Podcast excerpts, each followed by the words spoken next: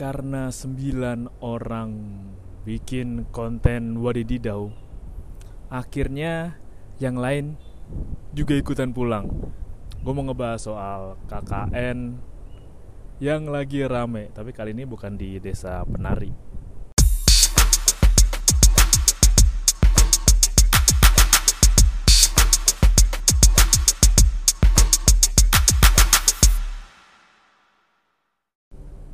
setelah dengerin suara sendiri kenapa lucu juga ya suara gue ya? Ini gue lagi bikin di luar jadi kalau ada dengar suara kendaraan lewat suara outdoor AC atau suara abang grab nanya jalan ya malumin aja karena gue lagi di parkiran belakang kantor. Jalan belakang sih gue lagi mau ngebahas soal KKN yang lagi rame. Beritanya masih anget tadinya gue mau selipin. Kejadian kemarin di mana ada tindakan mencurigakan di akun gue. Mungkin ada yang mau login ke akun gue bikin podcast di sini kali ya. Anjir. Tapi itu pembahasan yang lain gue bahas yang mendesak dulu deh. Jadi ada kejadian di mana peserta KKN yang lagi ya KKN di UNP Universitas Negeri Padang harus dipulangkan karena ada mahasiswi yang bikin konten isinya ngenyek tempat dia KKN lu bisa baca beritanya di Kompas tadi gue juga lihat di Grid GRID ini gue bahas duluan karena meresahkan dan bikin gue nggak tenang. Lu pernah ngerasa kayak ini sebelum bro gue bahas karena gue juga ada kaitan di sini? Kayaknya gue juga pernah bahas ini deh di episode gue ya tapi yang lumayan lama awal-awal soal KKN dan kalau gue dulu nggak KKN tapi gue bikin penelitian ilmiah. Tapi harusnya linearnya nggak nggak jauh beda sih. Tapi bedanya KKN kan terlibat. Tapi setelah lu lihat nah mohon maaf jadi kalau dengar suara kata itu ada orang lewat aja. Nggak apa-apa. Gue udah liat kontennya sih pakai bahasa Padang. Itu bahasa Melayu lah ya Iya bener ngenyek lagi. Gue kalau jadi warga di sana juga kesel sih. Mungkin emang dia mau nyampein kritik Air susah mandi di musola Terus mesti bayar.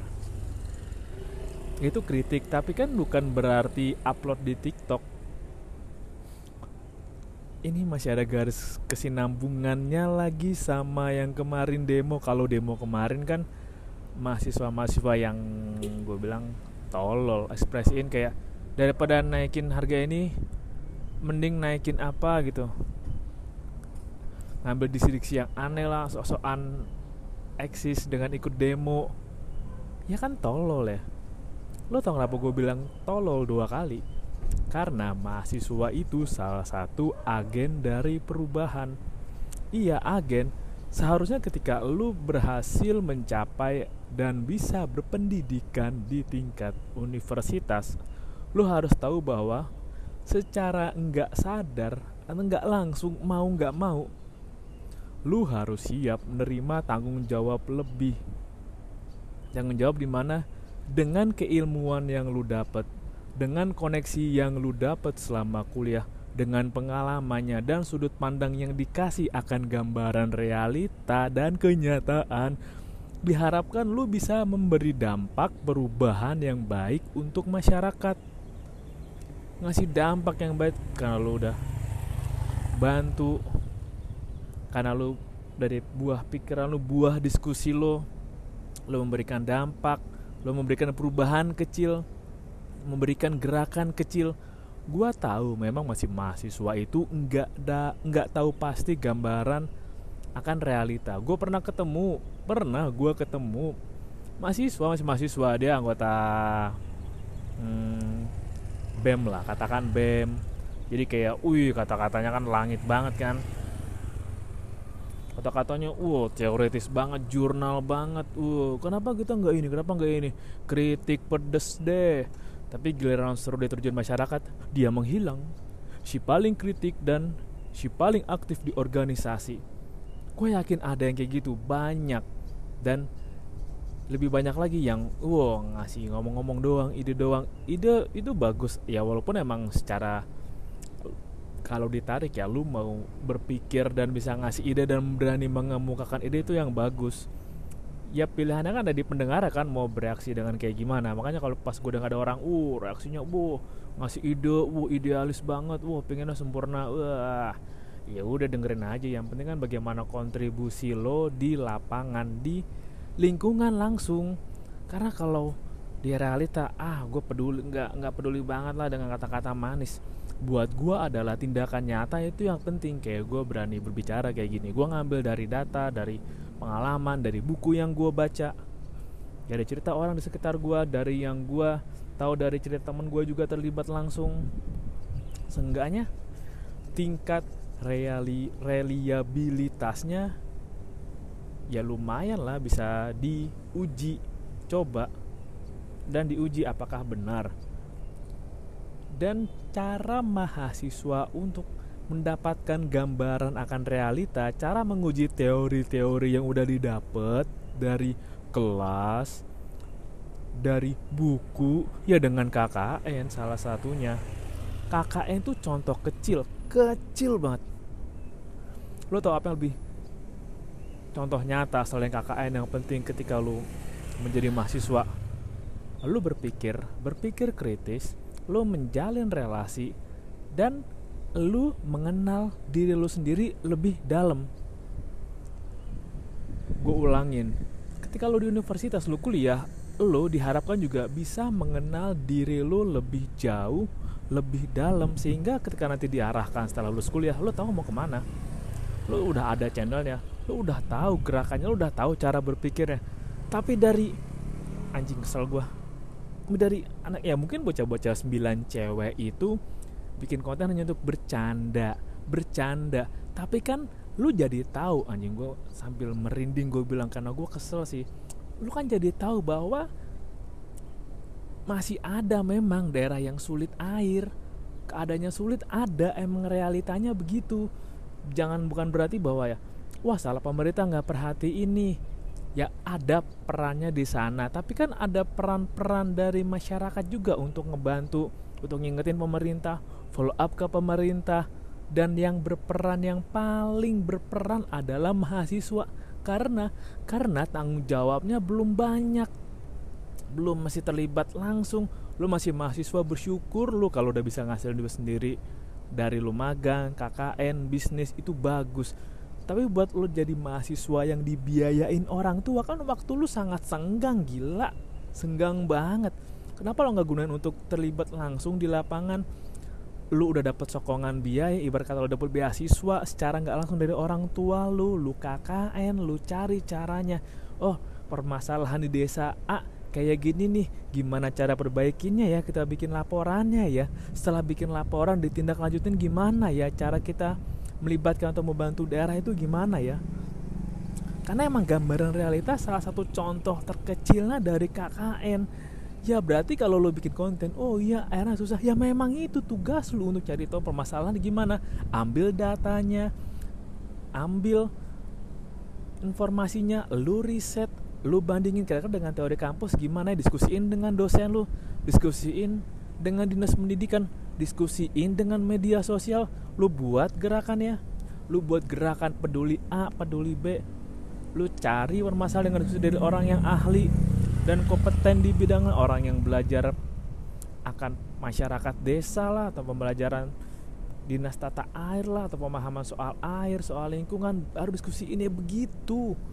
Bukan dengan lo kritik. Mungkin emang gue sadar ya bahwa usia kuliah tuh usia bocah. Masih bocah hitungannya. Tapi kan bukan berarti I'm just a kid kayak lagu Simple Plan. Enggak lah ya lu kalau emang takut dewasa lu nggak usah gede-gede jadi anak kecil aja pakai pamper saya terus. Lu makan porsi anak bayi aja lu pakai baju anak bayi aja terus. Ya usia terus nambah. Bentuk badan lo juga berubah. Yang mau nggak mau juga secara usia lo bertambah ya harus makin banyak pula tanggung jawab yang harus lo emban. Nggak lo terima ah gue nggak kan gue nggak milih dilahirin kan gue nggak mau tanggung jawab ini. Ya udah kalau emang nggak mau dilahirin ya udah lu lu cari tempat buat balik lagi deh. Emang lu kata yang berpikiran kayak gitu lu doang. Lu kalau tahu realita aduh. Banyak kali orang yang pikiran kayak anjing nyesel gue udah dilahirin rasanya kalau keadaan sepahit gini. Nyesel gue ada di sini kalau emang cara bertahannya seberat ini kehidupan yang mesti gue jalan seberat ini ya memang lebih mudah menyalahkan. Oh, salah pemerintah nggak peduli bla bla bla bla bla salah bla bla bla bla bla. Ya kalau nungguin mereka berubah ya lama lama. Ya justru itu peran lu adalah menciptakan gerakan perubahan biar mereka tersentil biar semua bergerak. Tapi kan kebijakan pemangku ada di atas kebijakan orang yang ngambil keputusan dan yang ngejalanin pasal-pasal ada di atas. Ya memang ada di pemerintahan tapi kan lu juga punya peran di sini lu juga harus terlibat. Ya kalau emang yang di atas belum menjalankan perannya lo ingetin lo bikin gerakannya. Gerakan pengingat kayak untuk pemerintahan daerah agar mau oh, ada lo bikin proposal kayak lo lewat media sosial kayak lo bikin jurnalnya kayak atau lo bikin penelitiannya kayak lo sampein lo bikin kampanyenya lo bikin kayak gerakan di misalnya lo masukin di kita bisa atau di tanda yang berikan petisi tanda tangan dari data yang lo punya. Biar mereka tergerak. Kalau mereka nggak sadar ya itu udah bukan tugas udah bukan ranah lo ranah lo bukan untuk ini mahasiswa ya ranah lo ketika mahasiswa bukan untuk membuat orang tua menjadi sadar gitu membuat orang yang punya wewenang jadi sadar ya enggak tugas lo ada terjun di lapangan dengan harapan adalah lu menjadi penerusnya bisa menciptakan keadaan yang lebih baik.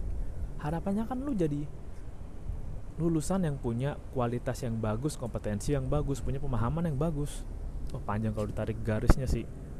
Panjang kan harapannya kan emang lo bakal terusin mereka ya. Mungkin ada yang mereka berharap menjadi pemimpin seumur hidup atau selama mungkin mungkin ada. Tapi lama-lama ya kebenaran ya adalah kebenaran juga. Kalau emang dia bener pasti jalannya bener. Tapi kalau emang dia salah ya pasti akan nampak juga kesalahannya. Dan tugas lu adalah mengoptimalkan dan mengusahakan bahwa kebenaran itu terangkat sampai atas sampai semua orang peduli. Gue juga pernah bahas kan bahwa semua bagian dari kita tuh punya tanggung jawab terhadap saudara kita satu sama lain. Tapi memang kita sudah nggak punya cukup energi nggak cuma cukup fokus karena kita juga harus fokus ke kehidupan kita masing-masing. Dan makanya gue buat di episode yang spesial kemarin jangan berhenti memikirkan Indonesia. Ya poin besarnya adalah lu sempetin waktu lu energi lu untuk bagaimana cara memberikan dampak buat orang lain berikan hal yang baik buat orang lain yang bahkan gak lu kenal bahkan untuk saudara lu di luar sana. Gue juga tadi lagi baca artikel di Kompas ada seorang dosen yang menyisihkan uangnya untuk bangun sekolah gratis di Papua. Dosen, dia juga pasti kan ngelihat realita kan. Itu juga dosen juga pernah jadi mahasiswa. Pasti ketika jadi mahasiswa, oh, gue berpikir nih, oke, kenapa di masyarakat daerah sekian susah pendidikannya ya? Kenapa untuk biaya sekolahnya aja untuk transportasi sehari butuh mengeluarkan 50 ribu? Gimana cara gue untuk mengurangi atau seenggaknya adalah memudahkan anak-anak bisa ke sekolah. Oh gue buatlah sekolah. Ya bisa jadi ya dosen ibu Eci itu udah berusaha mengajak tapi nggak ada yang mau. Ya it's okay gue bergerak sendiri karena ini gerakan gue. Ya kan emang contohnya kayak gitu. Aduh. Ya gue juga pasti terus nggak suka lah anak-anak. Karena anak-anak emang diharapkan KKN di sana kan untuk ngasih dampak ide solusi dan seenggaknya untuk sementara membantu warga di sana. Kasihan jir yang udah ikut KKN di sana. Mereka nggak tahu apa-apa. Mereka karena dampaknya karena lu. Mereka juga bahkan mungkin ada yang belum nonton videonya dan gua kalau ada temen kelas gua mahasiswa gua yang bikin video kayak gitu nggak mau gua temenin. Meskipun emang kesalahan di masa muda itu kan zaman tolol tapi kan ketika lu di mahasiswa tuntutan namun juga perguruan tinggi. Lu juga dituntut untuk punya kesadaran yang tinggi memaksa intelektual lu moral lu nalar lu ke tingkat yang lebih tinggi dari orang lain. Emang lu nggak sadar itu beban mahasiswa? Itu nggak sadar itu tujuan mahasiswa? Gila kesel banget gue ngomong kayak gini. Anjir gue nggak tahu sih. Ada bisa dibilang kan oh mereka mereka anak manja ya nggak pernah ngerasain susah nggak pernah ngerasain. Namanya kehidupan sulit. Ya memang hidup tuh emang begitu. Warnanya tuh banyak spektrumnya tuh beragam. Memang karena emang kita dibiasain hidup dalam homogen atau hal yang semua serba sama serba teratur serba berkelompok. Jadi kita suka nggak ngeh ada warna lain yang terabaikan karena kita sudah nyaman menikmati ragam warna kita sendiri. Ya padahal kalau dilihat garisnya yaitu di daerah kalau Jawa aja juga banyak kan ke Pulau Jawa ada Jawa Tengah, Jawa Timur, Surabaya, Malang dan lain-lain juga dengan keragaman bahasa ada yang bahasa Jawa medok, ngapak, alus dan lain-lain. Aduh, kesel sih. Kesel dan mungkin di luar sana juga ada orang yang sempat bikin konten nyinggung waktu desa KKN mungkin ya tapi kita nggak expose nggak serame aja.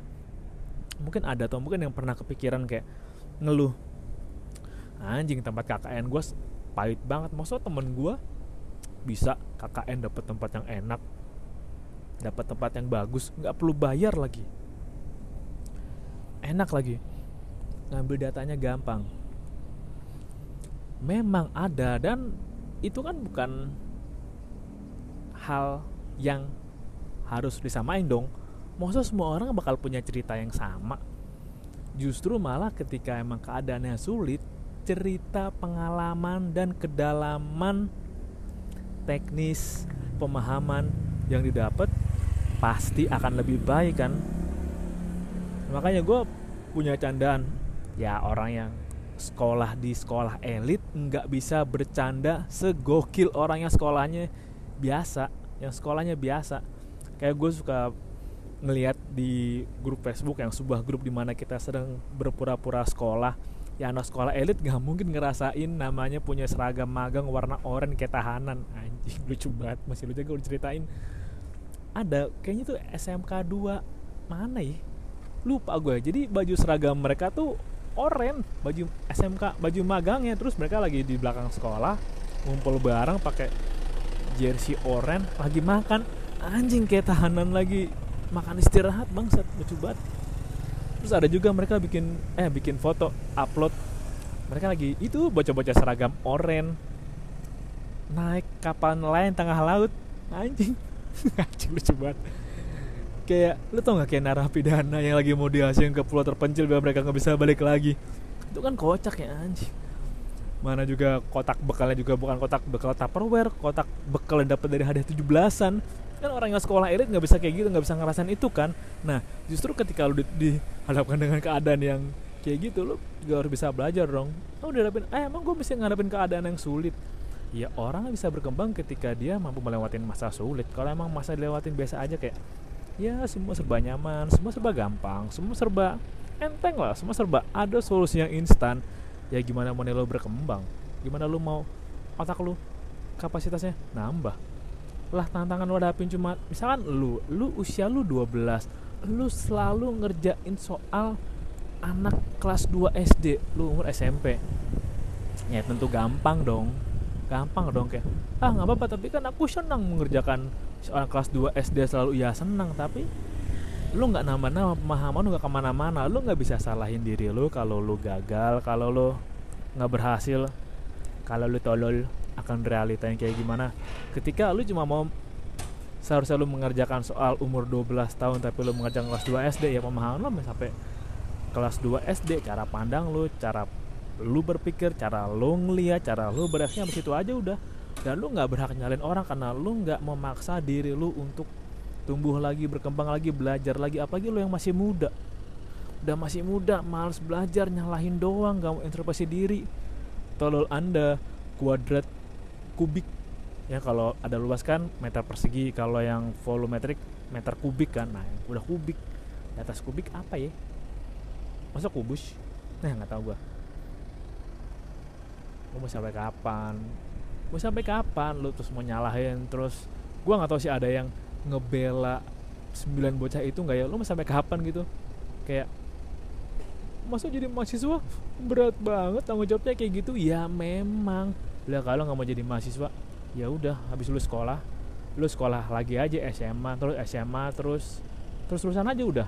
Sampai umur lu tiba-tiba ntar 60 lu udah bengek-bengek batuk-batuk udah agak ada energi udah tinggal nunggu. Gua gua, gua nunggu malaikat pencabut nyawa datang nih ntar pas datang gua ajak minum ngopi dulu kali ya ngobrol-ngobrol sampai segitu aja terus kalau lu nggak mau beranjak dari pikiran lu yang sekarang. Gile gua ngomong gitu mau 20 menit. Nyambung sama berhenti loh udah entengan sih gue emosi gue udah keluar karena sebel gue kasihan desanya kasihan kampusnya oknum eh oknum. Ya karena oknum itu kan nama kampus tercemar kampus UNP ya negeri lagi aduh jadi pertanyaan tuh ini seleksinya gimana kenapa yang masuk sini punya pola pikir kayak begini? Emang waktu filter kagak gimana kagak ngecek dulu agak detek psikologi dulu apa gimana masa kualitas orang macam begini bisa masuk di sini apalagi kualitas orang yang lain? Dipertanyakan nih. Kasih anjir. Emang lo kata mempertahankan kualitas pendidikan tinggi universitas itu tidak sulit. Eh itu itu gampang ya sulit dong menjaga nama baiknya sulit dan tercemar karena sembilan anak berbuat bodoh. Sebenarnya kalau 10 sih sama kayak apa yang Bung Karno bilang. Untung 9 tuh. Gua rasa 10 lagi ada sih cuman malu-malu buat ngomong aja. Ya nggak tahu lah mana yang bener. Gua ada truk belakang gua nih. Seharusnya suara gua nggak masalah lah kalau ya masih kerdam sih suara gua masih jelas. Terima kasih udah dengerin episode kali ini dan lu dukung yang mana ya? Lu ada pembenaran nggak sama 9 bocah yang KKN itu? Gue nggak tahu deh. Sampai jumpa di episode selanjutnya. Terima kasih